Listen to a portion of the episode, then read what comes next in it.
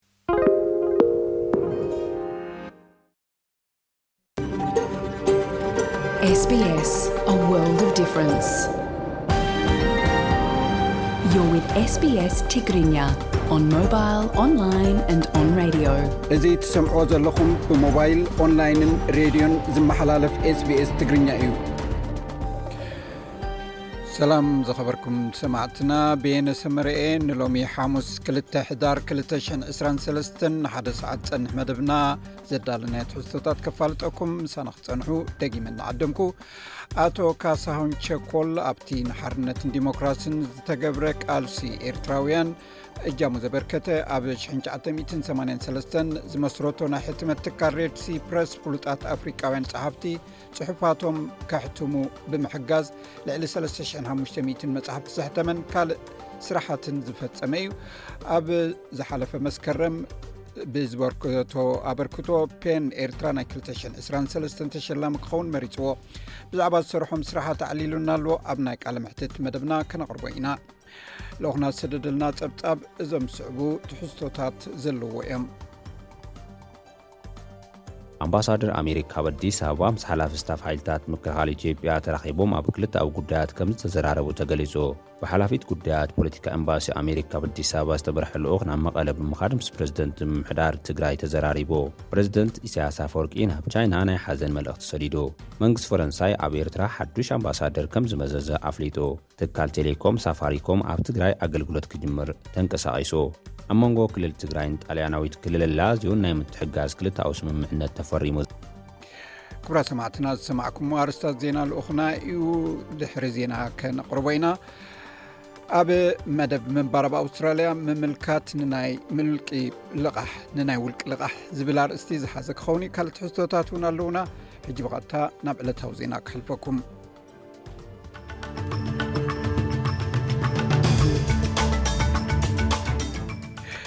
ዜና ንምጅማር ኣርስታት ዜና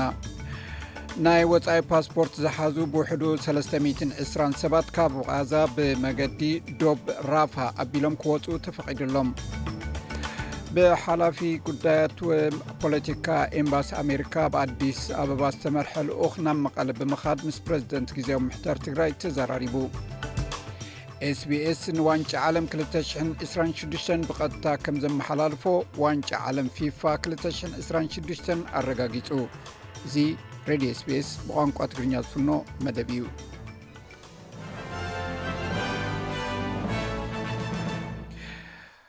ኣርሳ ዜና ይኹም ክሰምዑ ፀኒሕኩም ሰማዕትና ዝርዝራቶም ይስዕብ ካብቲ ኣብ ሸውዓተ ጥቅምቲ ብሓማስ ዝተፈፀመ መጥቃዕቲ ንድሓር ንፈለማ ብውሕዱ 320 ናይ ወፃኢ ፓስፖርት ዝሓዙ ሰባት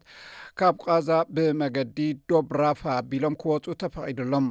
ብዙሓት ሰባት ናብቲ ጋዛ ምስ ግብፂ ዘራኽብ መሰገሪ ክኣትዉ ተራእዮም ኣለዉ ክፍሊ ጉዳያት ወፃኢ ኣውስትራልያ ዒስራ ኣውስትራልያውያን ናብ ግብፂ ንምስጋር ካብ ግዝኣት ፍልስጥኤም ከም ዝወፁ ኣረጋጊፁ ኣሎ ኣብቲ ኣብ መንጎ ግብፂ እስራኤልን ሓማስን እተገብረ ስምምዕ 8ን ሓደን ዝቆሰሉ ሰባትን ናይ ፈለማ ሓሙሽተ ሚእቲ ናይ ወፃኢ ፓስፖርትን ዝሓዙን ኣብ ዝመፅእ መዓልትታት ካብ ወሽመጥቃዛ ክወፁ ትፅቢት ይግበረሎም ከባቢ ሸውዓተ ሽሕን ሓሙሽተ ሚእትን ናይ ወጻኢ ፓስፖርት ዝሓዙ ሰባት ኣብ ውሽጢ ክልተ ሰሙን ካብ ጋዛ ክወጹ ክፍቀደሎም እዩ። መዓርፎ ነፈርቲ ኣሪሽ ድማ ሰባት ብኣየር ንክወጹ ተዳልዩ ኣሎ። ናይ ካናዳ ፓስፖርት ዝሓዘት ኣስሊ ሹራፕ እቲ መገዲ ምስ ተኸፍተ ብቕልጡፍ ናብ ዶብ ከም ዝሃደመት ትገልጽ።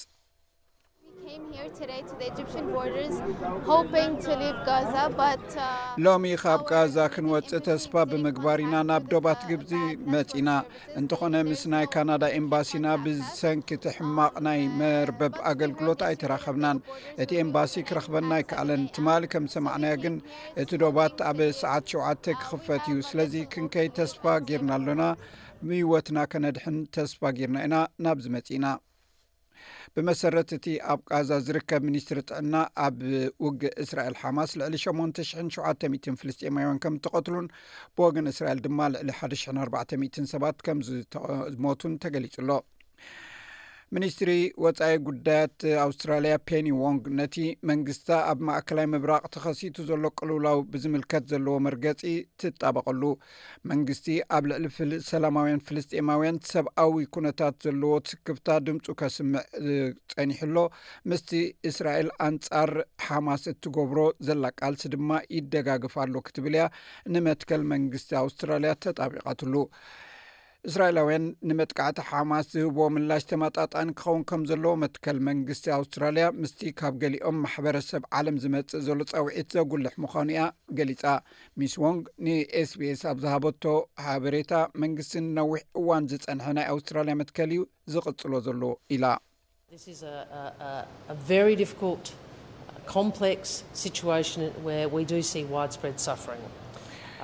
እዚ ኣዝዩ ከቢድን ዝተሓላለኸን ኩነታት እዩ፣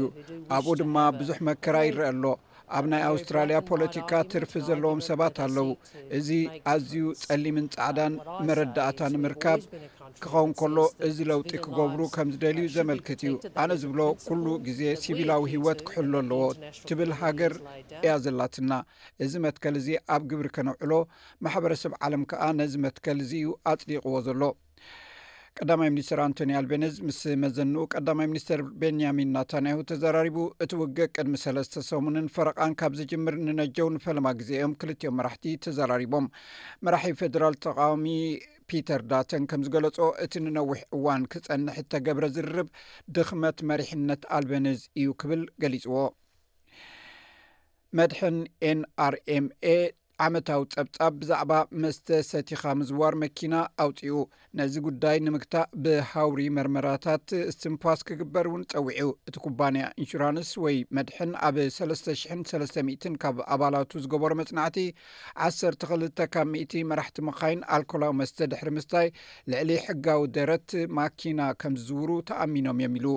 ኤንኣርኤምኤ ከም ዝገልጾ ብፖሊስ ዝረኣየ ዘሎ ምምሕ ምውሓድ ብሃውሪ ዝግበር መርመራ እስትንፋስ መራሕቲ መኻይን ነቲ ኣብ መንገዲ ዘጋጥም ሓደጋታት ክብ ከብሎ ክኢሉ ኣሎ ኢሉ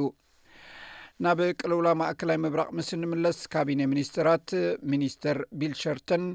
እቲ ሽዱሽተ ቀዳሞት ሚኒስትራት ኣውስትራልያ ነበር ኣብ ጋዛ ብዛዕባ ዝግበር ውግእ ዝኸተምዎ ሓባራዊ መግለፂ ንመትከል ፌደራላዊ መንግስቲ ዘንፀባርቕ ምዃኑ ገሊፁ ናይ ኣውስትራልያ ቀዳሞት ሚኒስትራት ጆን ሃዋርድ ኬቨን ራድ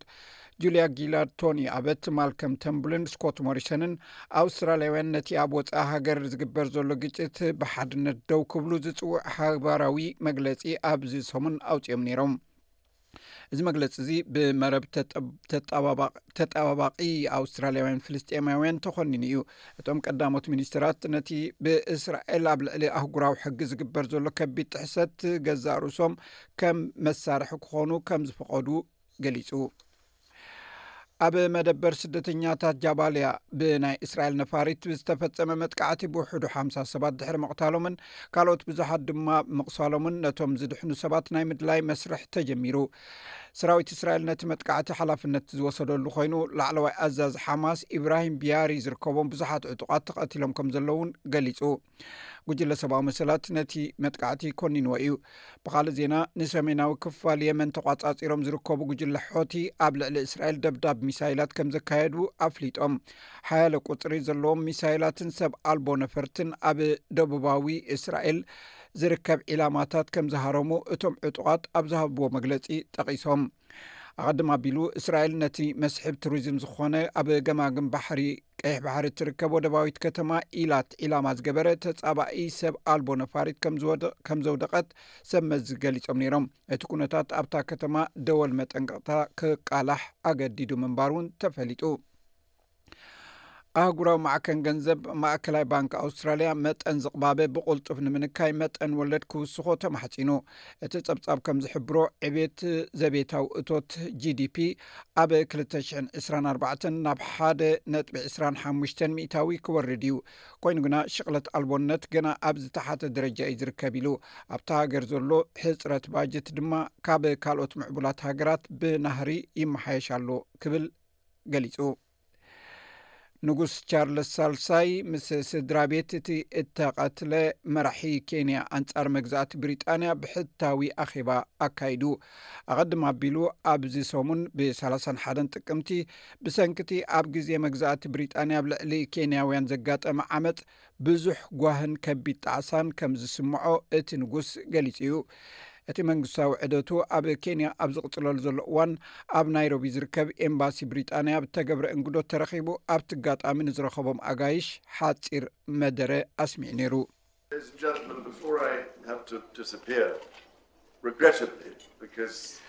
ዝኸበርኩምን ዝኸበርክንን ቅድሚ ካብዚ መሕጥፈኤይ ኣብ ፕሮግራመይ ብዙሕ ነገራት ስለ ዝነበሩ ኣነ ድማ ብምድንጓይ ይቕሬታ ሓትት ከምኡ ክብል ከለኹ ግን ኣብዚ ምብፃሕ ምስ ብዙሓት ኬንያውያን ክራኸብ ምክኣለይ ኣዝዩ ዘሐጉስ እዩ ናብዚ ቦታ እዚ ክዝበፅሕ ነዊሕ እዋን እኳ እንተገበርኩ ኩነታት ብኸመይ ከም ዝማዕበለን ብኸመይ ከም እተቀይረን ክፈልጥ ክኢለ ኣለኹ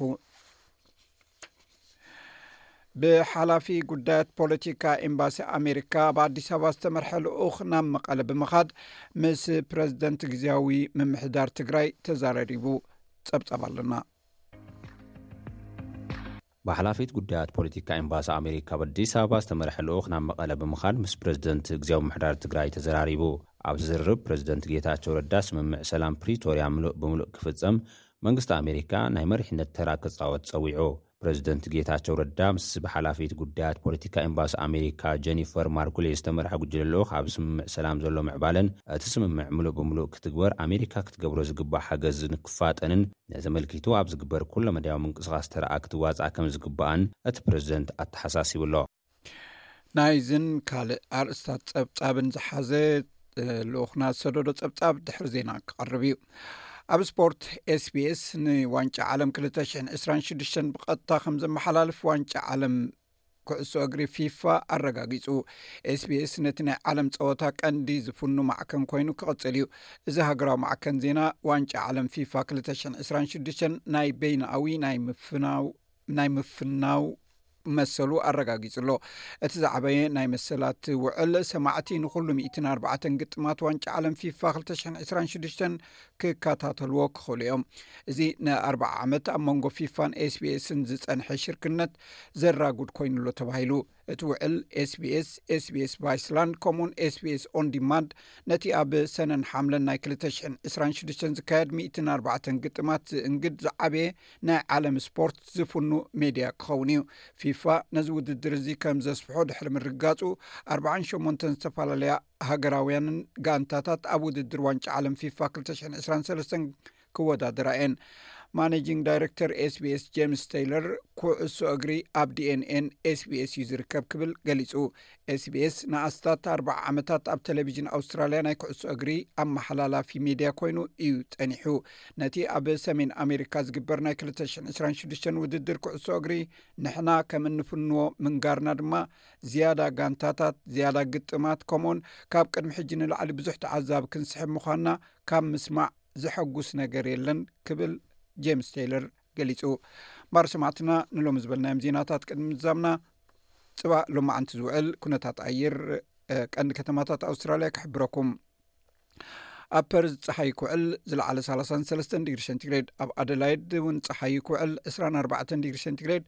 ኣብ መልበርን ድብንብን ዝበለ መዓልቲ እዩ ዝለዓለ 18 ኣብ ሆባርት ብከፊል ደበና ዝለዓለ 2ስራ ኣብ ካምቢራ እውን ብከፊል ደበና ይክውዕል ዝለዓለ 24 ኣብ ሲድኒ ብኸፊል ደበና ዕስራን ሰለስተን ኣብ ብሪስበን ደበና ዕስራን ሽዱሽተ ዲግሪ ሴንቲግሬድ ኣብ ዳርዊን ብኸፊል ደበና ዝለዓለ ሰላሳን ሓሙሽተ ዲግሪ ሴንቲግሬድ ሰማዕትና ንሎሚ ዝበልናዮም ዜናታት ወዲና ኣለና ምስ ዝተረፉ ትሕዝቶታት መደብና ምሳና ክትፀንሑ ደጊመ ዕድመኩም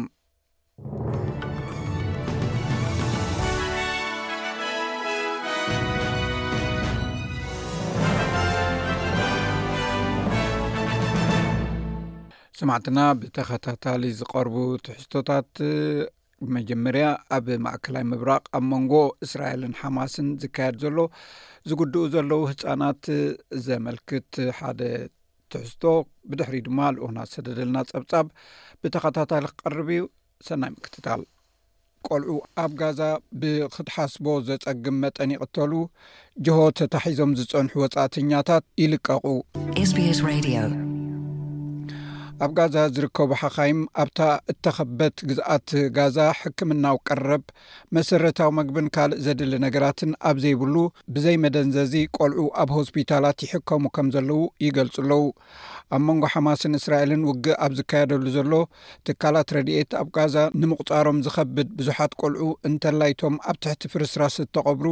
ኣብ ከቢድ ሓደጋ ከም ዘለዉ ኣጠንቂቖም እቶም ዕድለኛታት ኮይኖም ብህይወት ዝጸንሑ ኣብ መጻኢ ኣካላውን ኣእምሮኣውን ጸገማት ጥዕና ከጋጥሞም ከም ዝኾነ እውን የጠንቅቑ ቆልዑ ብዘይ መደንዘዚ ኣኳሎም ይቑረጽ ከምዘሎ'ውን ሓኻይም ገሊጾም ኣለዉ። ናይ ረድኤትን ምዕባለን ትካል ሴቭ ዘ ቺልድረን፣ ቁጽሪ ናይቶም ኣብ ጋዛ ኣብ ውሽጢ ሰለስተ ሰሙን ጥራይ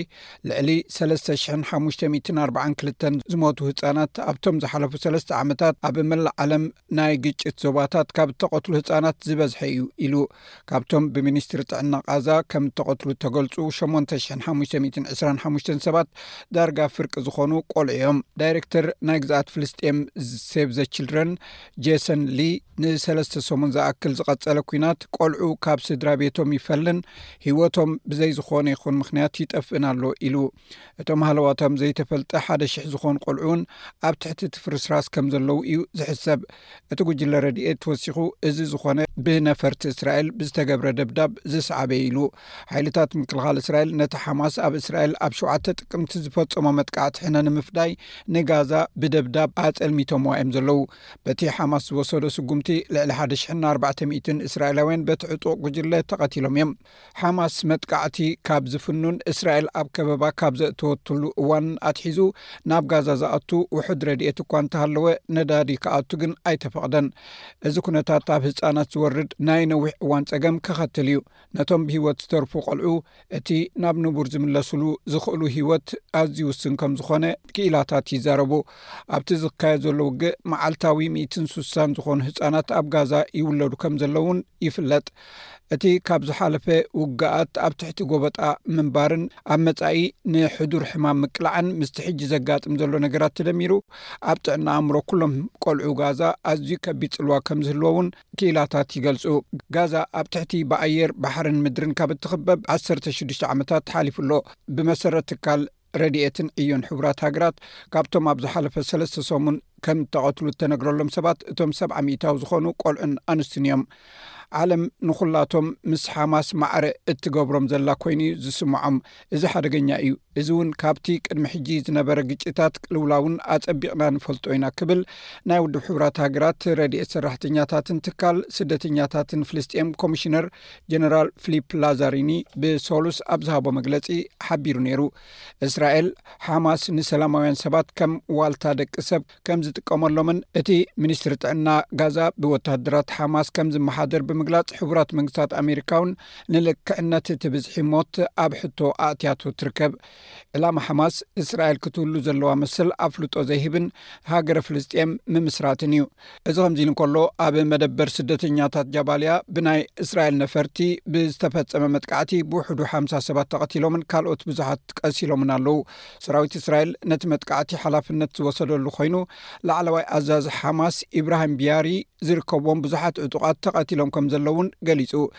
ጉጅለ ሰብኣዊ መሰላት ነቲ መጥቃዕቲ ኮኒኖሞ እዮም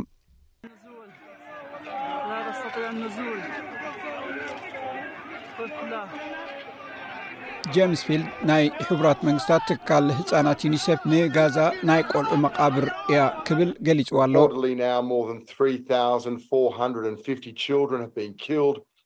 ሕጂ ልዕሊ 3,450 ቆልዑ ከም እተቐትሉ እዩ ዝንገር ዘሎ እቲ ዘገርም ግና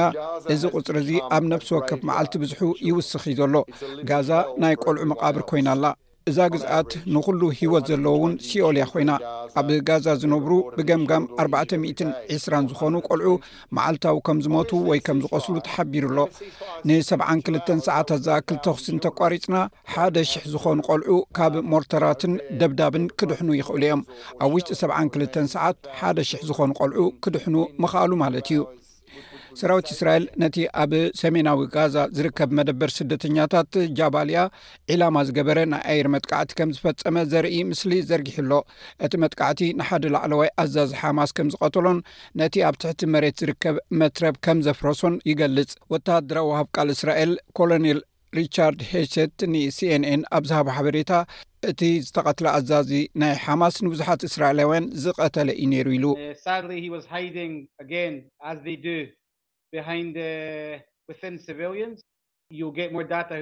እቲ ዘሕዝን ግና ከምቲ ኣብ ውሽጢ ሰላማውያን ሰባት ክሕብኡ ዝገብርዎ ዝነበሩ እዩ ተሓቢኡ እዚ ሰብኣይ ብዙሓት ከም ዝቀተለ ብዙሓት እስራኤላውያን ዘከኣለና ኩሉ ይገብሩ ከም ዝነበሩ ዝያዳ ሓበሬታ ክትረክብ ኢኻ እዚ ኣዝዩ ዝተሓላለኸ ኩናት እዩ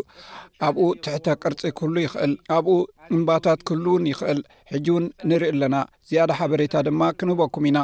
እቲ ሰዓት እናቀረበ እዩ ዝኸይ ዘሎ እዚ ዘሐዝን ፍጻሜ ውግእ እዩ ማለተይ ንብዙሕ መዓልታት ናብ ደቡብ ገጽኩም ገዓዙ ክንብል ኢና ጸኒሕና ምስ ሓማስ ዘይተሓባበሩ ሰላማውያን ሰባት ናብ ደቡብ ገጾም ይስገሩ እቲ ደብዳብ ነፈርቲ ኣብ ቃዛ ኣብ ዝርከብ ሆስፒታል ኢንዶነዥያ ዕለቕለቕ ከም ዘስዓበን በቲ ኣብ ልዕሊ ሰፈር ጃባልያ ዘጋጠመ መጥቃዕቲ ሓምሳ ሰባት ከም እተቐትሉን ሚትን ሓምሳን ከም ዝቖሰሉን እዩ ዝግለጽ ፊሊፖ ግራንዲ ናይ ውድብ ሕብራት ሃገራት ላዕለዋይ ኮሚሽነር ስደተኛታት ተኹሲ ደው ክብል ኣትሪሩ ፀዊዑ ኣሎ። ኣብ ዝሓለፈ ሰለስተ ሰሙን ንመሰረታዊ ሕግታት ውግእ ማለት ንኣህጉራዊ ሰብኣዊ ሕጊ ዕሽሽ ምባል ልሙድ እናኾነ ይኸይድ ከም ዘሎ ኣዕናዊ መርትዖ እዩ። ኣብቲ ሓማስ ኣብ ልዕሊ እስራኤላውያን ሰላማውያን ሰባት ዘውረዶ መጥቃዕቲ ኣብ ልዕሊ ፍልስጤማውያን ሰላማውያን ሰባት ቅትለት ከምኡኡን ብሰንኪ እቲ ኣብ እስራኤል ዝቕፅል ዘሎ ወተሃደራዊ ስርሒት ዝሰዓበ ሰፊሕ ዕንወት ትሕተ ቅርፂ ንፁሃት ሰላማውያን ሰባት ተራእዩ ብዘይፈልጥ መገዲ ይቕተሉ ኣለዉ ወተሃደራት ሓማስ ኣብ ዝመፅእ መዓልትታት ገለ ካብቶም እስራኤላውያን ዘይኮኑ ብጅሆ ተታሒዞም ዘሎዉ ሰባት ክፍትሑ ከም ዝደለዩ ኣፍሊጦም ኣለዉ ድሮ እውን ገለ ካብቶም እስራኤላውያን ዘይኮኑ ብጅሆ ተታሒዞም ዝፀንሑ ክፍትሑ ጀሚሮም ኣለው። ወሃብ ቃል ብርጌድ ኣልቃስም ኣቡ ኦቤዳ እቲ ምፍታሕ በተን ንሱ ዘይገለፀን ሃገራት ይግበር ከም ዘሎ ኣረጋጊጹ እዩ። እስራኤል ካብቲ ብሸውዓተ ጥቅምቲ ብሓማስ ድሕሪ ዝተፈጸመ መጥቃዕቲ 1400 ሰባት ተቐቲሎማ 239 ሰባት ድማ ጅሆ ተታሒዞም ከም ዘለዉ ተገሊጹ ነይሩ ኣብ ጋዛ ዝርከብ ኣገልግሎት ጥዕና ሓማስ በቲ ብእስራኤል ዝተፈጸመ መጥቃዕቲ ልዕሊ 8,500 ሰባት ከም እተቐትሉ ይገልጹ ካብዚኦም እቶም ፍርቆም ቆልዑ እዮም እዚ ረድዮ ስፔስ ብቋንቋ ትግርኛ ዝፍኖ መደብ እዩ ሰላም ጥዕና ሃበልና ከመይ ቀኒኹም ክቡራት ተኸታተልቲ SBS ትግርኛ ነዚ ሰዓት ተዳለው ዜናታት እንሆ ፈለማ ኣርእስታቶም ከነቐድም ኣምባሳደር ኣሜሪካ ኣብ ኣዲስ ኣበባ ምስ ሓላፊ ስታፍ ሓይልታት ምክልኻል ኢትዮጵያ ተራኺቦም ኣብ ክልተኣዊ ጉዳያት ከም ዝተዘራረቡ ተገሊጹ። ብሓላፊት ጉዳያት ፖለቲካ ኤምባሲ ኣሜሪካ ኣብ ኣዲስ ኣበባ ዝተመርሐ ልኡኽ ናብ መቐለ ብምኻድ ምስ ፕረዚደንት ምምሕዳር ትግራይ ተዘራሪቡ። ፕረዚደንት ኢሳያስ ኣፈወርቂ ናብ ቻይና ናይ ሓዘን መልእኽቲ ሰዲዱ። መንግስቲ ፈረንሳይ ኣብ ኤርትራ ሓዱሽ ኣምባሳደር ከም ዝመዘዘ ኣፍሊጡ። ትካል ቴሌኮም ሳፋሪኮም ኣብ ትግራይ ኣገልግሎት ክጅምር ተንቀሳቒሱ። ኣብ መንጎ ክልል ትግራይን ጣልያናዊት ክልል ላዝዮን ናይ ምትሕግጋዝ ክልተኣዊ ስምምዕነት ተፈሪሙ ዝብሉ ነዚ ሰዓት ዝተዳለዉ ዜናታት'ዮም። ናብ ዝርዝራቶም ክንቅጽል። ኣምባሳደር ኣሜሪካ ኣብ ኣዲስ ኣበባ ምስ ሓላፊ ስታፍ ሓይልታት ምክልኻል ኢትዮጵያ ተራኺቦም ኣብ ክልተኣዊ ጉዳያት ከምዝተዘራረቡ ተገሊፁ። ኣምባሳደር ሕቡራት መንግስታት ኣሜሪካ ኣብ ኢትዮጵያ ኤርዌን ማሲንጋን ሓላፊ ስታፍ ሓይልታት ምክልኻል ኢትዮጵያ ፊልድ ማርሻል ብርሃኑ ጁላን ኣብ ዘካየድዎ ዘተ ቀፃሊ ሽርክነቶም ብኸመይ ከምዘጠናኽሩ ከምዝተዘራረቡ ተሓቢሩ'ሎ።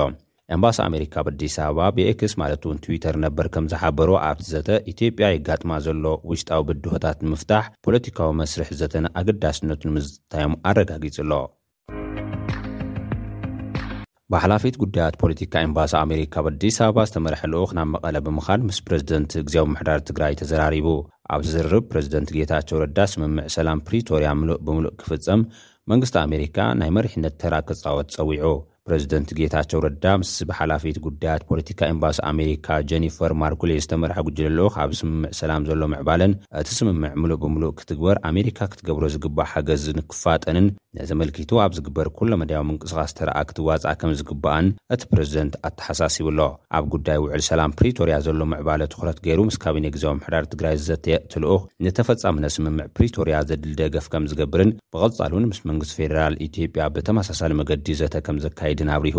ብተወሳኺ ክልቲኦም ወገናት ኣብ ሽግግር ፍትሒ ዘሎ ምዕባለን ኣፈፃፅምኡን ከምኡ እውን ብዛዕባ ምስንባት ተሃድሶን ሰራዊት ትግራይ ብዝምልከት ዝዘተዩ እንትኾኑ፣ ኣሜሪካ ምርግጋፅ ውዕል ሰላም ፕሪቶርያ፣ ሽግግር ፍትሒን ምቕራብ ሰብኣዊ ሓገዝን ዘሎ ማሕለኻታት ኣብ ምቕራፍ ከምትሕግዝ ኣባላት እቲ ልኡኽ ምግላፆም ቤት ፅሕፈት ፕረዚደንት ትግራይ ዘውፅኣ ሓበሬታ ኣመልኪቱ'ሎ። ፕረዚደንት ኢሳያስ ኣፈወርቂ ናብ ቻይና ናይ ሓዘን መልእኽቲ ሰዲዱ። ፕረዚደንት ኢሳያስ ኣፈወርቂ ንፕረዚደንት ሺ ጂንፒንግ ኣብ ዘሕለፎ መልእኽቲ ብሞት ቀዳማይ ሚኒስትር ህዝባዊት ሪፐብሊክ ቻይና ነበር ሊ ኬንጋንግ ሓዘን ከምዝተሰምዖ ገሊፁ'ሎ። እቲ ፕረዚደንት ኣብ መልእኽቱ፣ ንፕረዚደንት ሺ ጂንፒንግ፣ ንህዝብን መንግስትን ህዝባዊት ሪፓብሊክ ቻይና ከምኡ'ውን ንሓዘንተኛታትን ስድራቤት መወትን ጽንዓት ይሃብኩም ከም ዝበለ ተገሊጹ ኣሎ።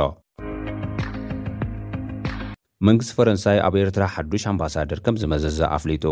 ኣቐዲሙ ኣምባሳደር ፈረንሳይ ኣብ ባሕሬን ዝነበረ ጀሮም ኩሻርድ ኣብ ኤርትራ ንዝነበረት ኣምባሳደር ሙርየል ሶረ ብምትካእ'ዩ ካብ መፋርቕ ጥቅምቲ ክልተ ሽሕን ዕስራን ሰለስተን ኣትሒዙ ናብ ኣስመራ ተመዲቡ ዘሎ። ኣምባሳደር ጀሮም ምስ ወኪል ሕብረት ኣውሮጳ ኣብ ኤርትራን ኣምባሳደራት ከም ኢጣልያን ጀርመንን ዝኣመሰሉ ሃገራት ኣውሮጳን ብምዃን ንፖሊሲ ኣውሮጳ ኣብ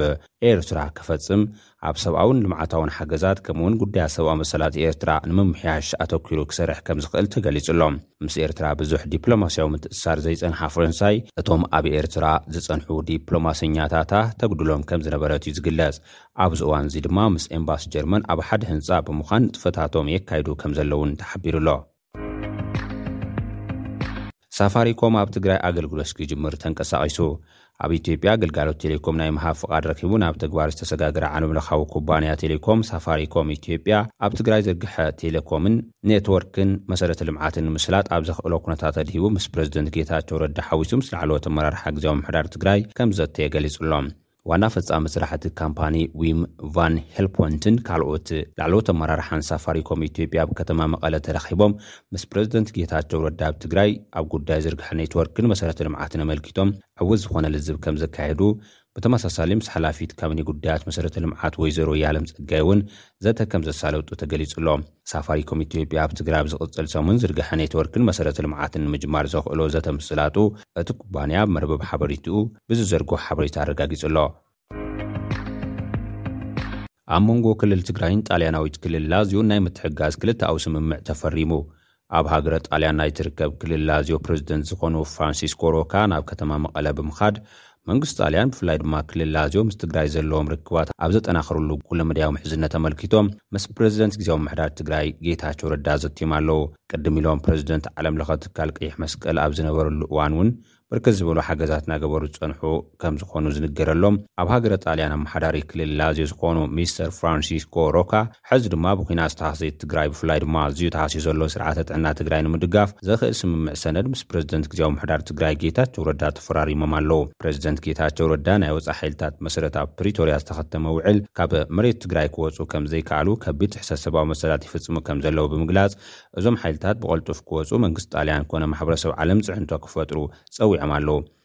ኣምባሳደር ሃገረ ጣልያን ኣብ ኢትዮጵያ ዝርከቦ ብኣመሓዳሪ ግዝኣት ላዝዮ ዝምራሕ ጉጅለ ልኡኽ ኣብ ዩኒቨርሲቲ መቐለን ካልኦት ትካላትን ብምዝዋር ዘሎ ምንቅስቓስ ዝተዓዘበ እንትኸውን ኣብ ላዝዮ ዘሎ ዩኒቨርሲቲ ምስ ዩኒቨርሲቲ መቐለ ብሓባር ዝሰርሕሉ ዕድል ከመቻችዉ ኣብ ምርድዳእ ከምዝበፅሑ እውን ተገሊፁ ኣሎ።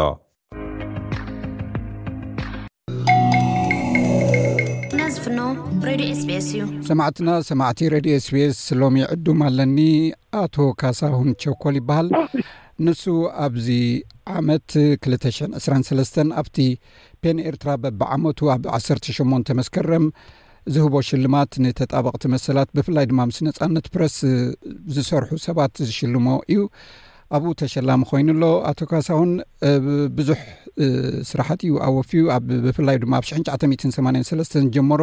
ብሬድሲ ፕረስ ዝፍለጥ ሕት ንብዙሓት ንተቃለስቲ ንመሰል ናፅነትን ስደትን ዘንጸባርቑ ናይ ኣፍሪቃውያን ተጣበቕቲ ፍሉጣት ጸሓፍቲ መጻሕፍቲ ዝፈረየሉ ትካል ዝውንን እዩ። ብከባቢ ዕስራ ቋንኳታት ዝተሓትሙ ልዕሊ ሰለስተ ሽሕን ሓሙሽተ ሚእትን መጻሕፍቲ እውን ኣፍርዩ ኣሎ ብቲ ትካሉ ብቲ ሬድሲ ፕረስ ማለት እዩ። ኣብዚ ኣፍሪቃዊ ታሪኽ ስነ ጽሑፍ ታሪኽ ጸለምቲ ተቓለስቲ እውን ዝጸሓፍሉ ወይ ዕድል ዝረኸብሉ ባይታ ዘጣጥሐ ኣቶ ካሳሁን ኣብ ክልተ ሽሕ ኣብ ኣስመራ ዝተገብረ ኣንጻር ኩሉ መሰናኽላት ወይ ኤገንስት ኦል ኦድ ዝብል ቋንቋታት ስነ ጽሑፍ ኣፍሪቃ ዋዕላ ብዙሓት ጸሓፍቲ ኣፍሪቃውያን ኣህጉራውያን ተቓለስቲ ፕረስን ኣኪቡ ኣወሃሂዱ ንመጀመርያ ግዜ ዓብ ዋዕላ ኣብ ኣስመራ ዝተካየደሉ ንሱ ዘወሃዶ እዩ ነይሩ ካልእ ኣብ ኤርትራ ናይ ሓርነት ዲሞክራሲን ኣብ ክሳብ ሽ9 ሓደ ናብ ዝተገብረ ቃልሲ እውን እጃሙ ዘበርከተ ዜጋ እዩ ካልእ ዝፍለጠሉ ኣቶ ካሳሁን ድማ ምስቶም ጂ ሰርቲን ዝበሃሉ ምሁራት ኤርትራውያን ኣብ በርሊን ማኒፌስቶ እውን ዝፍለጥ እዩ ኣብ ኤርትራ ዲሞክራሲ ክሰፍን ሕቶ ዘልዓሉ ምሁራት ኮይኑ ናብ ኣስመራ ከይድ እውን ምስ ገለ ምሁራት ፕረዚደንት ኢስያስ ኣፍ ወርቂ ረኺቡ ዘዘራረበ እዩ ብዙሕ ዘርዚር ናይ ንውድኦ እና ናይ ኣቶ ካሳሁን ምናልባት ኣጉዲለ ተኮይነ ክትምልኣሉ ትኽእል ኢኻ ፈለማ ግን እንቋዕ ሓጎሰካ ናይ 222 ናይ ፔን ኤርትራ ተሸላም ምዃንካ የቐኔለይ ብጣዕሚ እዩ ዘሐጉሰኒ ብኣሕዋተይ ብደቂ ዓደይ ዝተዋሃበኒ ሽልማት ስለ ዝኾነ ብጽቡቕ እየ ዝቕበሎ። ጽቡቕ እሞ ኣብቲ ዝበልክዎ ዝርዝር ብዙሕ እንድዩ እቲ ዝገበርካዮ ኣበርክቶ ምናልባት ብዙሓት ሰባት እውን ከይፈልጥዎ ይኽእሉ እዮም ብዙሕ ኢኻ ጽዒርካ ብፍላይ ድማ ሬድሲ ዝብል ሕትመት ዳርጋ ብዙሓት ኣፍሪቃውያን ጸሓፍቲ ዕድል ዝረኸብሉን ድምፆም ክስማዓን ዝገበረ እዩሞ ብኸመይ ዝሓሳብ ዝመፅኢልካ መጀመርያ ኣነ ካብ ተወለድኩሉ ካብ ኣስመራ ጀሚረ ብዛዕባ ናይ ባህላዊ ጉዳያት ተገዳስነትን ተሳታፍነትን ነይሩኒ ንዕኡ ከዓ ካብ ንእስነተይ ጀሚረ ካብ ቀዳማይ ካልኣይ ደረጃ ሃይ ስኩል ስጋ ዓብ ዩኒቨርሲቲ ኣዲስ ኣበባ ካብኡ ናብ ኣሜሪካ መፅኤ ኣብ ቢንግንተን ዩኒቨርሲቲ ዝበሃል ቤት ትምህርቲ ናይ ትምህርተይ ክቕፅል ከለኹ ብዛዕባ ናይ ኣፍሪካ ናይ ነፃነት ምንቅስቃሳት ተገዳስነት ነይሩኒ ኣብኡ እካፈል ነይረ ኣብኡ ከዓ ብዙሕ ተማሂረሉ ከምኡ እውን ካብ ሰብዓን ሓደን ጀሚረ ኣብቲ ናይ ሃገርና ንሓርነትን ነፃነትን ዝተጀመረ ቃልሲ ተካፊለ ደጊፈ ኣብኡ እውን ኣብቲ ቃልስታት ብዙሕ ተማሂረሉን ተመኪረሉን ስለ ዝነበርኩ ኣብኡ ዝመፀኒ ሓሳባት እምበኣር ካብዚ ቃልስታት ዝተጀመረ እዩ እሱ ከዓ ብፍላይ ከዓ ንሕና ከም ኣፍሪቃውያን ፈተውቲ ፍትሕን ሓርነትን ነፃነትን ዝኾንና ብዛዕባና ዝዝረብ ዝስራሕ ዝፀሓፍ የለን እሞ ካልኦት ብዛዕባና ድላዮም ክሓቱን ሓተታ ከቕርቡን፣ ንሕና ግን ርእይቶ ከም ዘይብልና ወይ ከኣ ተሳታፍነት ከም ዘይብልና ስለ ዝነበርና፣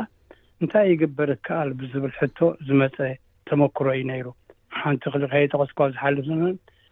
ኣብቲ ግዜ እቲ ብፍላይ እኳ ኣብ ግዜ ሰማንያታት ንሜክሲኮ ዝበሃል ዓዲ ከይደ፣ ከም መምህር ኣብ ሓንቲ ዩኒቨርሲቲ ኮሌሆ ደ ሜይኮ ትበሃል ይሰርሕ ነይረ በቲ ግዜ እቲ ናይ ሓሙሽተ ዓመታት ተመክሮ ዝረኣኽዎ ፅቡቅ ልምዲ ናይቲ ህዝቢ እንታይ ነይሩ እቲ ህዝቢ ብቋንቁኡ ብናቱ ፃዕሪ ብባህሉን ኣኽቢሩን ብዛዕባ ታሪኹ ብናቱ ተራኽነት ክጽሕፍን ከሕትምን ንመንእሰያት ከምህርን ክርኢ ከለኹ ብዙሕ ቅንኣት ሒዙኒ። ከምዚ ኣፍሪቃዊ ከምዚ ዓይነት ኣገባብ ዘይብሉ ሃገራት ንምንታይ ንነብር? ኣፍሪቃውያንሲ ናቶም ተመክሮ ባዕሎም ክትንትንዎን ከቕርብዎን ዝኽእሉ ከለዉስ ንሕና ብወጻእተኛታት ጥራይ ኩሉ ግዜ ክንትረኽን ክንዝረበሉን ዝኾነሉ ምኽንያት እንታይ እዩ ዝብል በቲ ግዜ እቲ እምባር ንሕና ናትና መጻሕፍቲ ዘዘጋጅዉ ኣሕተምቲ ስለ ዘይብልና ሓደ ካብቲ ጸገም ክፍሊ እዩ ዝብል ስምዒት ስለ ዝነበረኒ ብ ናይንቲን ኤይቲ ስሪ ኣፍሪካ ዎርልድ ፕረስ ዝብል ቤት ማሕተም ከፊተ ካብኡ እውን ድሕሪ ሓሙሽተ ዓመት ናይንቲን ኤይቲ ፋይቭ ድሕሪ ክልተ ዓመት ማለት እዩ ናይንቲን ኤይቲ ፋይቭ ረድሲ ፕረስ ዝበሃል ከፊተ ብናይ ስነ ፅሑፍ ኣቀራርባን ኣዘረጋግሓን ስራሓት ተኻፊለ ኣለኹ ስካዕ ሎሚ። ሕራይ ማለት ዝቀሊል ፕሮጀክት ኣይኮነን ብዙሓት ፍሉጣት ኣፍሪቃውያን እውን ነቲ ናትካ ተቐቢሎም ኣብቲ ናትካ ከሕትሙን ክሰምዑኻን ምኽኣሎም ክሳብ ክንደይ ኣባኻ እምነት ንኸሕድሩ ፅዒርካ ማለት ሲ ቅድሚ ሕጂ ዘይነበረ ክትገብር ከለኻ ብዙሓት ፀሓፍቲ ኣብቶም ፍሉጣት ዝበሃሉ ናይ ጸዓዱ ፕረስ እዮም ዘሕትሙ። ከም ዝፈልጡ ከኣ ብዙሓት ናይ ኣፍሪቃ ጸሓፍቲ ናይ ናይጀርያ ይኹን ናይ ኬንያ ካልኦት ውን ኣባኻ መጺኦም ንኸሕትሙ ብኸመይ እዮም እምነት ኣሕዲሮም? ከመይ ጌርካ ኣፋሊጥካዮ ነቲ ስራሓትካ? Well እቲ ተመክሮ ክጅምሮ ከለኹ ምስ ቃልሲ ኣተሓዘ እዩ ከም ዝበልኩኻ። ስለዚ ኣነ ንምሳሌ ኣብ ሽሕን ትሽዓተን ሰማንያን ሰለስተን ኣብ ዓዲ እንግሊዝ እየ ነይረ። በቲ ግዜ እቲ ምስቲ ወዲ ኬንያ ዝተፈልጠ ንጉጊ ዋ ቲያንጎ ዝተባህለ ምስኡ ክራኸብን ክፋለጥን ክኢለ። ካብኡ ጀሚርና ከኣ ጽቡቕ ዕርክነት መስሪትና። ዕላማናን ኣተሓሳስባና ከኣ ሓደ ስለ ዝነበረ፣ እታ ናይ መጀመርያ መጽሓፉ ድሕሪ እስሪ ቤት፣ ካብ በታ ግዜ እቲኣ ካብ እስሪ ቤት ካብ ኬንያ ወጺኡ ንዓዲ እንግሊዝ ዝተሰደደሉ ግዜ እዩ ነይሩ፣ ባረል ኦፈ ፐን ትብል መጻሕፍቲ ኣሕቲምና ብዙሕ ተሰማዕነትን ተፈላጥነትን ጀሚራ። ከምኡ'ውን በቲ ግዜ እቲ ናይ በይሩት ቃልሲ ዝካየደሉ፣ ኣብ ለበናን ብግፍዒ ናይ እስራኤል ብዙሕ ደም ዝፈሰሉን ብዙሕ ሰብ ዝተቐተለሉን ግዜ እዩ ነይሩ። ኣብኡ'ውን ሓደ ወዲ ለበኒዝ ዓርከይ ከም ጋዜጠኛ ዝጸሓፎ ጽሑፋት ነቲ ዝካየድ ዘሎ ግፍዕታት ንምግላጽ በይሩት ፍሮንት ላይን ስቶሪ ትብል ሕቲምና ፅቡቅ ተሰማዒነት ረኪብና ነይርና ማለት እዩ። ስለዚ ካብ ተመክሮ ዝመፀ እዩ። ቀስ ኢሎም በቲ ነገርቲ ኣነ ረጊፀ ዝሓዝክዎን ዝኣምነሉን ምኳኑ ክፈልጡ ምስ ጸኣሉ ብፆት ከሰዕቡንን ክከታተሉን ክድግፉንን ምሳና ከኣ ከሕትሙን ዝጀመሩሉ ግዜ'ዩ ነይሩ። ስለዚ ዕድለኛ እየ፣ እቲ ግዜ ኣፍቂድዎ፣ እቲ ቃልሲ ከኣ ኣፋሊጥዎ ማለት'ዩ። ጽቡቕ። ምናልባት ናብቲ ናይ ኤርትራ ጽሑፋት ወይ እውን ናይ ኢትዮጵያ እውን ከምኡ ኣቢሉ ዝተጻሕፉ መጻሕፍቲ እሞ ኣብ ዓለም ንኽፍለጡ ዝገበርካዮ ተራ እንታይ ይመስል? ከምትፈልጦ በቲ ግዜ እቲ ህዝብና ብፍላይ ህዝቢ ኤርትራ ኣብ ቃልሲ እዩ ነይሩ። ስቕጠት ናይ ኢትዮጵያን ንግዝኣት ናይ ኢትዮጵያን ናይ ሃይለስላሴን ንኽወጽእ ደሞክራሲያዊ ዝኾነ ሰውራዊ ዝኾነ ቃልሲ የካይድ ነይሩ። ነዚ ደሞክራሲያውን ሰውራውን ዝኾነ ቃልሲ ንዓለም ንምፍላጥ ሓደ ካብቶም ደገፍቲ ኣነ ነይረ። ስለዚ ስርሐይ ኢለ ሒዘዮ። ይንቀሳቐስ ነይረ። ካብ ናይ ሓፋሽ ደጋፍነት ወጺኤ ናብ ናይ ፓብሊሺንግ ምስ ኣተኹ ከኣ፣ እሞ ኣይወጻኹን እኳ፣ እንዳቐጸልናዮ ከድና ማለተይ'የ፣ በቲ ግዜ እቲ ንኤርትራ ጠቀስ ዝኾነ ናይ ታሪኽ መጻሕፍቲ፣ ናይ'ቲ ቃልሲ ጠንቂ፣ መሰረታዊ ኣገባብን እንታይ ምዃኑ ዘፈልጥ፣ ብዙሓት መጻሕፍቲ ከም በዓል ባዝል ደቪድሰን ዝኣመሰሉ ከም በዓል ዳክተር በረኸት ሃብተስላሴ ዝኣመሰሉ ዝጸሓፍዎ መጻሕፍቲ ኣሕቲምና ክንዝርግሕ ጀሚርና ማለት እዩ። መዓስ እዩ ዝጅምር ማለት እዩ ዝሕዚ ቅድሚ ዛፅነት እዩ ኣነ ዝሕዛሕት ዘረበካ ዘለዉ ካብ ሰማንያን ሰለስተን ሽሕን ትሽዓተ ሚትን ሰላሳን ሰመን ጀሚሩ ስጋዕ ሽሕን ትሽዓተ ሚትን ስጋዕ ነፃነት ዝወፀት ኤርትራ ግዜ ግዜ ናይንቲን ናይንቲ ዋን ስለዚ ዓብይ መፅሓፍቲ ብዙሓት መፅሓፍቲ ኣረኪብና ንህዝቢ ብፍላይ ናይ ወፃኢ ዘሎ ህዝቢ ንክርድኦ ንክፈልጦ ክመሃረሉ ዝኽእል ፅሑፋት ኣቕሪብና ኢና ማለት እዩ ዓባይ ኣብታ ግዜ ነፃነት ዓባይ ኢልና ዘውፃእናያ ብዳን ኮነር ተፅሓፈት ኣገንስት ኦል ኣድስ ትብል መፅሓፍ እያ ምናልባሽ ሪኢካያ ወይ ኣንቢብካያ ትኸውን እዋ ኣንቢበ ኣሎ እዋ እታ መፅሓፍ እቲኣ እቲ ቃልሲ ናይ ኤርትራ ካበይ ጀሚሩ ናበይ ከም ዝበፅሐ ኣብቲ ቃልሲ ዝተኻፈለሉ ሰብ እ፣ ዝረኣየ እ፣ ዘዘራረበ ዳን ኮነል ዝበሃል ጋዜጠኛ ናቱ ፅሕፍ እ፣ ምር- እ፣ ፅሒ- እ፣ መፅሓፍ። ኣቢልና ሕቲምና ኣብ ኣስመራ እውን ኣመረቕናያ ማለት እዩ እም። ስለዚ ናይ ኤርትራ ጉዳይ ሓደ ንዓይ ካብቲ ፐርሰናል ይፍለ ብናተይ ዘገድሰንን ዘቖርቁረንን ነገር ስለ ዝኾነ ቀዳምነት ሂበ ይንቀሳቐስ ነይረ ማለት እዩ። ማለት ኣብታ ርእስቲ ከይተበልና ኤገንስት ኦል ኦድስ ትብል እውን ካብ ኣድያ ተበጊሳ ብኣስመራ ኣብ ክልተ ሽሕ ድሕሪ ናፅነት ማለት እዩ ዘዳለካዮ ወይስ ብኸመያ ኖ ምስኡ ተተሓዘ ኣይኮነን ግን ኤገንስት ኦል ኦድስ ኢልና ዝገበርናዮ ኮንፈረንስ ኣብ ክልተ ሽሕ እዎ ግን ታርእስቲሲ ካብኣ ድያ ትብገስ ማለት እየ ኣይኮነን ኣይኮነን ነገንስት ቁሎት ዝብልናሉ ቋንቋታት ኣፍሪቃስ ኣብ ዓለም ክምዕብላ ክስምዓ ክትርጎማ እንተኮይነንሲ ንዐዐን ዝድግፍ ኣገባብ ክህሉ ኣለዎ መንግስታዊ ኮነ ህዝባዊ ኮነ ባህላዊ ኮነስ ክህሉ ዝብልናልና ነገንስት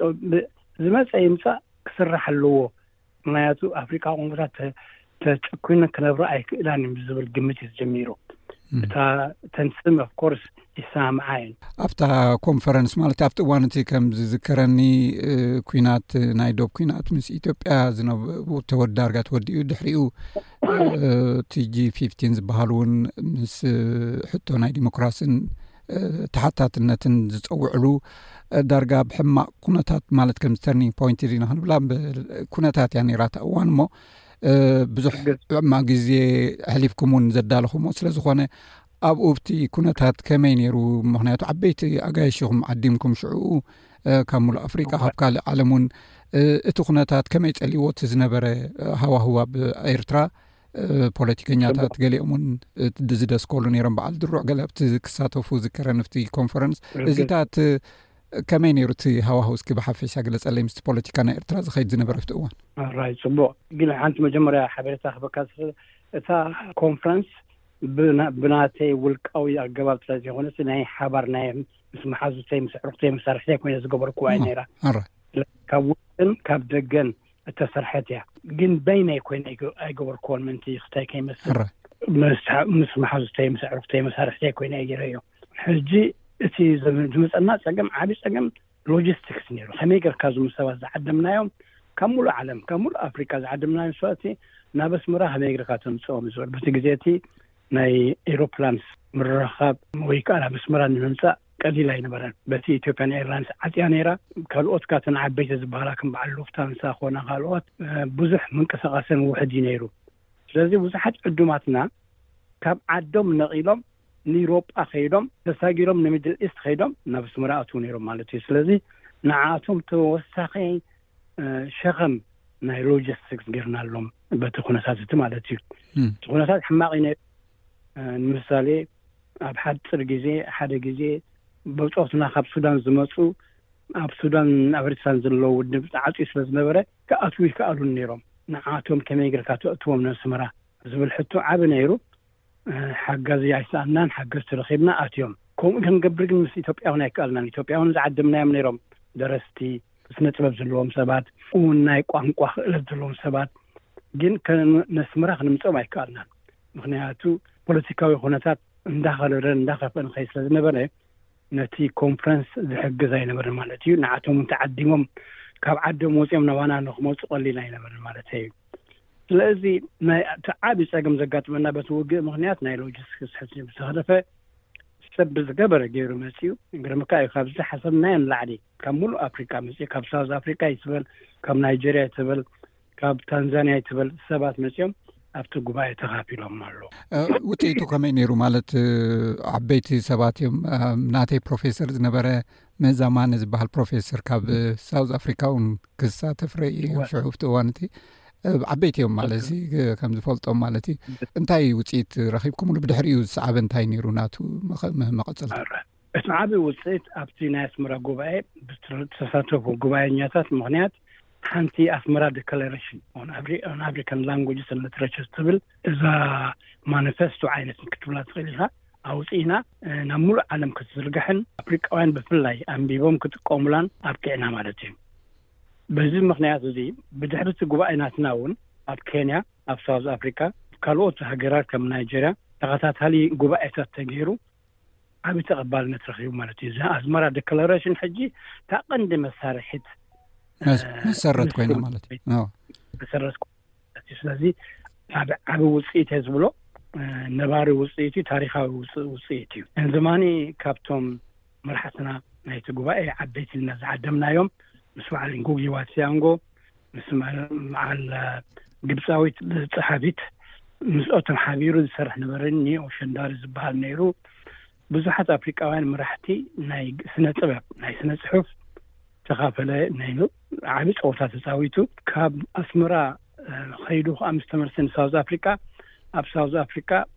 ኣነን ካልኦት ብፁዕና ተኸፈልናሉ ሰኮንድ ፕሮግረስ ሰኮንድ ኮንፈረንስ ተገይሩ ብፕሬዚደንት ኤምቤኪ በቲ ግዜ እቲ ተቐባልነት ረኺቡ ተፈላጥነት ረኺቡ ኣብ ሙሉእ ሳውዝ ኣፍሪካ እውን ተዘሪብሉ ተሰሪሕሉ ካሊእ ጉባኤ ኣካይድና ኢና ማለት እዩ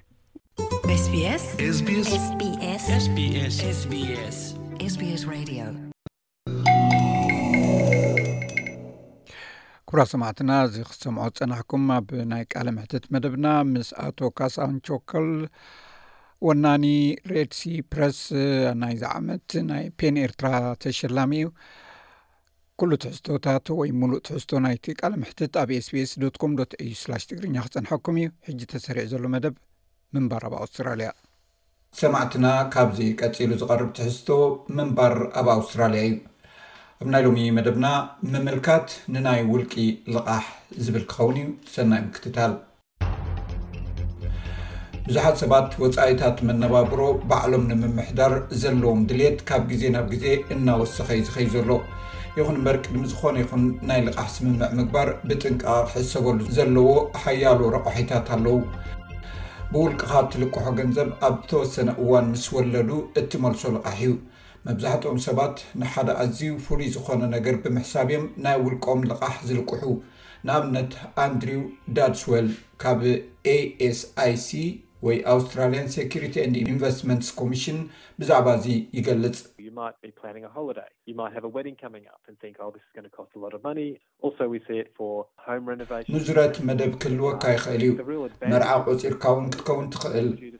ዳሕራይ እዚ እዚ ብዙሕ ገንዘብ ከም ዘድልየካ ትሓስብ። ኣብ ርእሲ እዚ ንመኪና፣ ንመግዝኢ መኪና፣ ገዛ ንምሕዳስን ዘድሊ ወጻኢታት ክትደሊ ትኽእል። ጥቕሚ ናይ ውልቂ ልቓሕ ወጻኢታትካ ኣብ ዝተናውሐ ግዜ ንኸተስፍሕ ስለ ዘኽእለካ፣ ገንዘብካ ንኽትምድብን ንኸተመሓድርን ድማ ስለ ዝሕግዘካ እዩ። እቲ ሕማቕ ጎኑ ግና ናይ ብሕትኻ ልቓሕ ክፍሊት ስለ ዘለዎን ወለድ ስለ ዘኽፍልን እዩ። ብዙሓት ኣውስትራልያውያን ብናይ ግሊ ልቓሕ ብዙሕ ዕዳ ኣለዎም። እቲ ንውልቀ ልቓሕ ዝወሃብ ልሙድ መጠን ልቓሕ ካብ ክልተ ሽሕ ክሳብ ኣብ ሚእቲ ሽሕ ዶላር ዝበጽሕ እዩ፣ መብዛሕትኡ ግዜ ድማ ኣብ ውሽጢ ክልተ ክሳዕ ሸውዓተ ዓመት እዩ ዝኽፈል። ኵሉ ሰብ ናይ ውልቂ ልቓሕ ክረክብ ኣይፍቀደሉን እዩ፣ ስለዚ ኣለቃሕቲ ኣብ ውልቃዊ ኩነታት ተሞርኪሶም ንኣመልከትቲ ይግምግሙ። ብተወሳኺ ነፍሲ ወከፍ ኣለቃሒ ዝተፈላለየ ረቋሒታት ክህልዎ ይኽእል እዩ። ኣንድርያስ ዳድስወል ብዛዕባ እዚ ይዛረብ።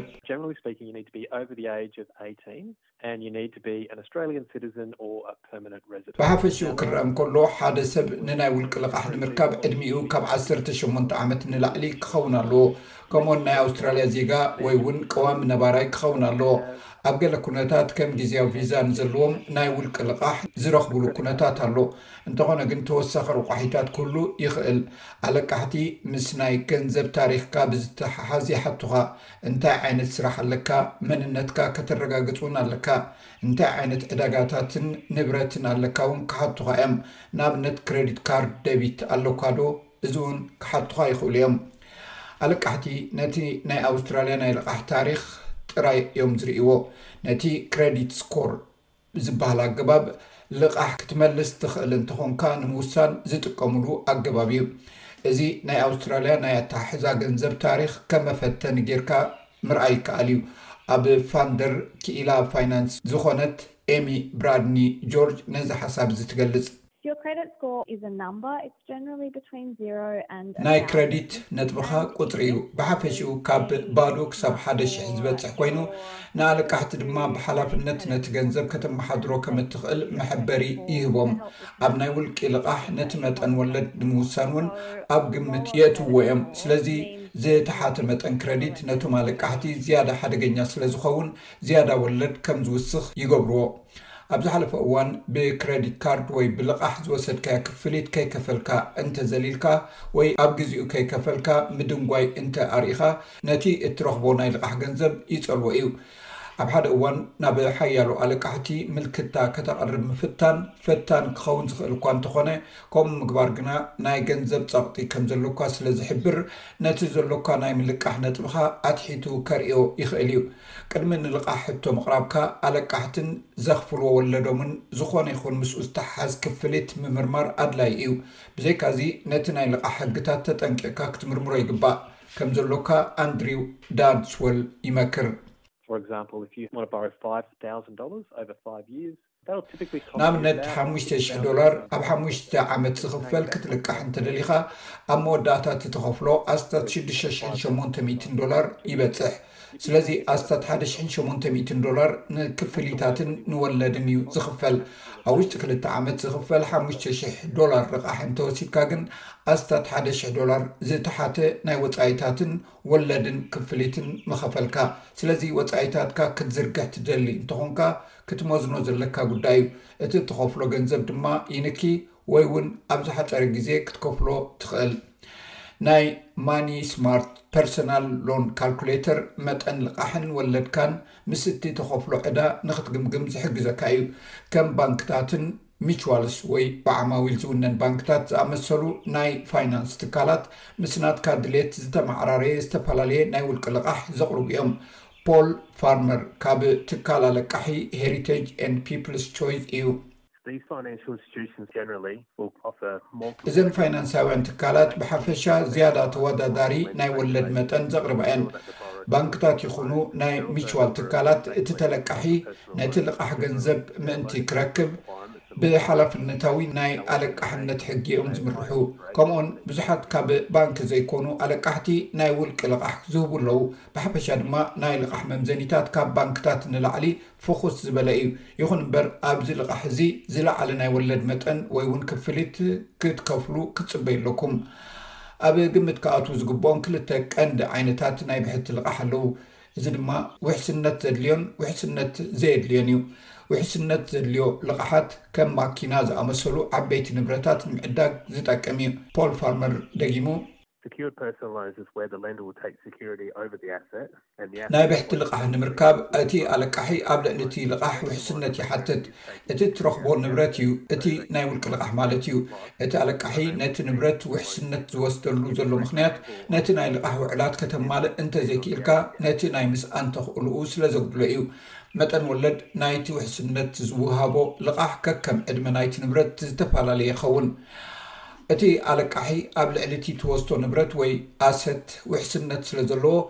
ነቲ ክፍሊት እንተ ዘይፈጺምካ ገንዘቦም ዝመልስሉ መስርሕ እውን ኣለዎም። ብሓፈሽኡ ውሕስነት ዝወሃቦ ልቓሕ ወይ ሰኪዩርድ ሎንስ ቀዋሚ መጠን ወለድ ወይ ፊክስድ ኢንተረስት ሬትስ እዩ ዘለዎ። ስለዚ ነቲ ንብረት ኢንሹራንስ ክትኣትወሉ እውን ትሕተት ትኸውን። እቲ ካልእ ኣማራጺ ውሕስነት ዘይብሉ ወይ ውሕስነት ዘይወሃቦ ልቓሕ እዩ። እቲ ገንዘብ ዳርጋ ንዝኾነ ይኹን መዓላ ከተውዕሎ ከም እትኽእል ሚስተር ፋርመር ይገልጽ። ውሕስነት ዘይወሃቦ ወይ ዘይብሉ ናይ ውልቂ ልቓሕ ንምርካብ ውሕስነት ምቕራብ ኣየድልየካን እዩ። ብሓፈሻ ግን ወለድካ ይዛይድ እዩ። ውሕስነት ንዘይብሉ ናይ ብሕቲ ልቓሕ፣ እቲ ኣለቃሒ እቲ እትልቅሖ መጠን ገንዘብ ክግድቦ ይኽእል።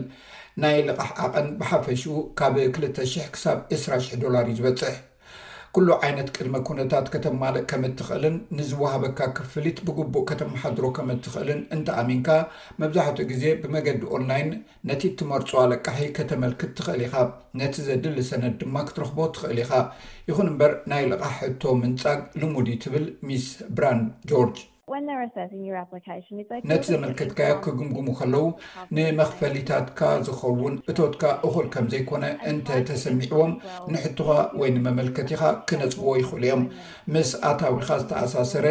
ኣብ ዘይርጉእ ስራሕ እንተሊኻ ወይ ኣብዚ ዘለኻዮ ስራሕ ካብ ትቑጸር ነዊሕ እንተ ዘይጌርካ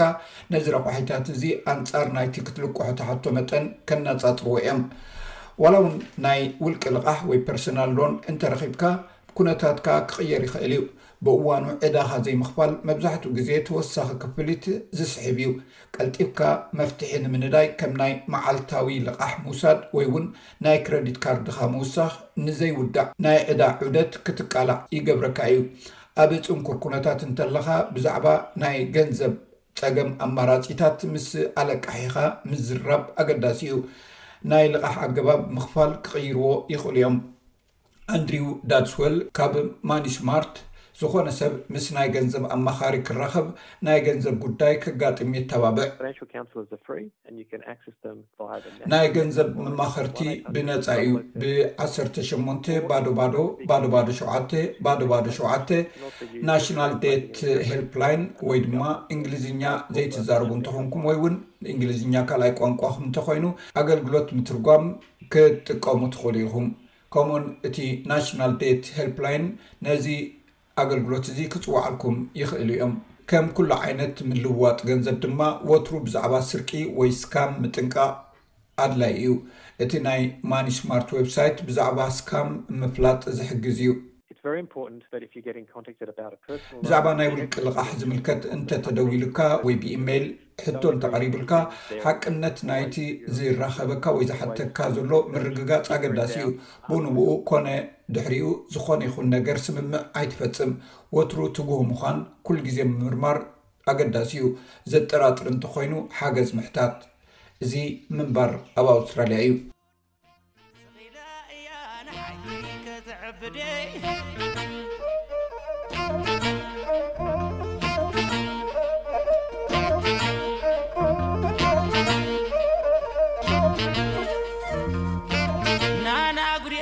ኩቡራ ሰማዕትና ቅሩብ ደቃይቕ ስለ ዘለዋና ኣረስታት ዜና ሒዘ ክሳብ ዝምለሰኩም በዛ ዜማ ክትዛነዩ ዕድመኩም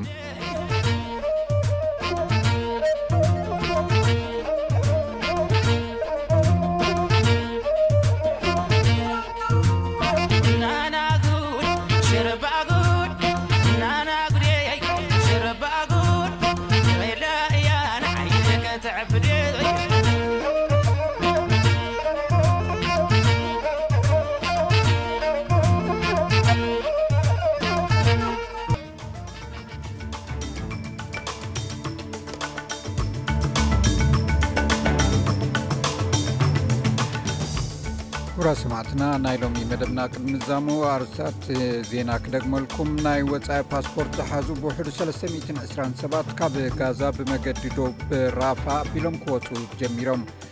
ብሓላፊት ጉዳያት ፖለቲካ ኤምባሲ ኣሜሪካ ብ ኣዲስ ኣበባ ዝተመሐ ልሑኡኽ ናብ መቐለ ብምኻድ ምስ ፕረዚደንት ግዜ ኣብ ምሕዳር ትግራይ ተዘራሪቡ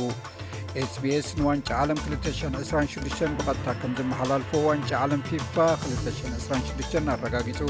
ባር ሰማዕትና ናይ ሎሚ ትሕዝቶና ወዲና ኣለና ኣብ ናይ ሶኒ መደብና ዝተፈላለዩ ትሕዝቶታት ሒዝና ክሳብ ንምለሰኩም ክሳብ ሰላም ክነዝምነየኩም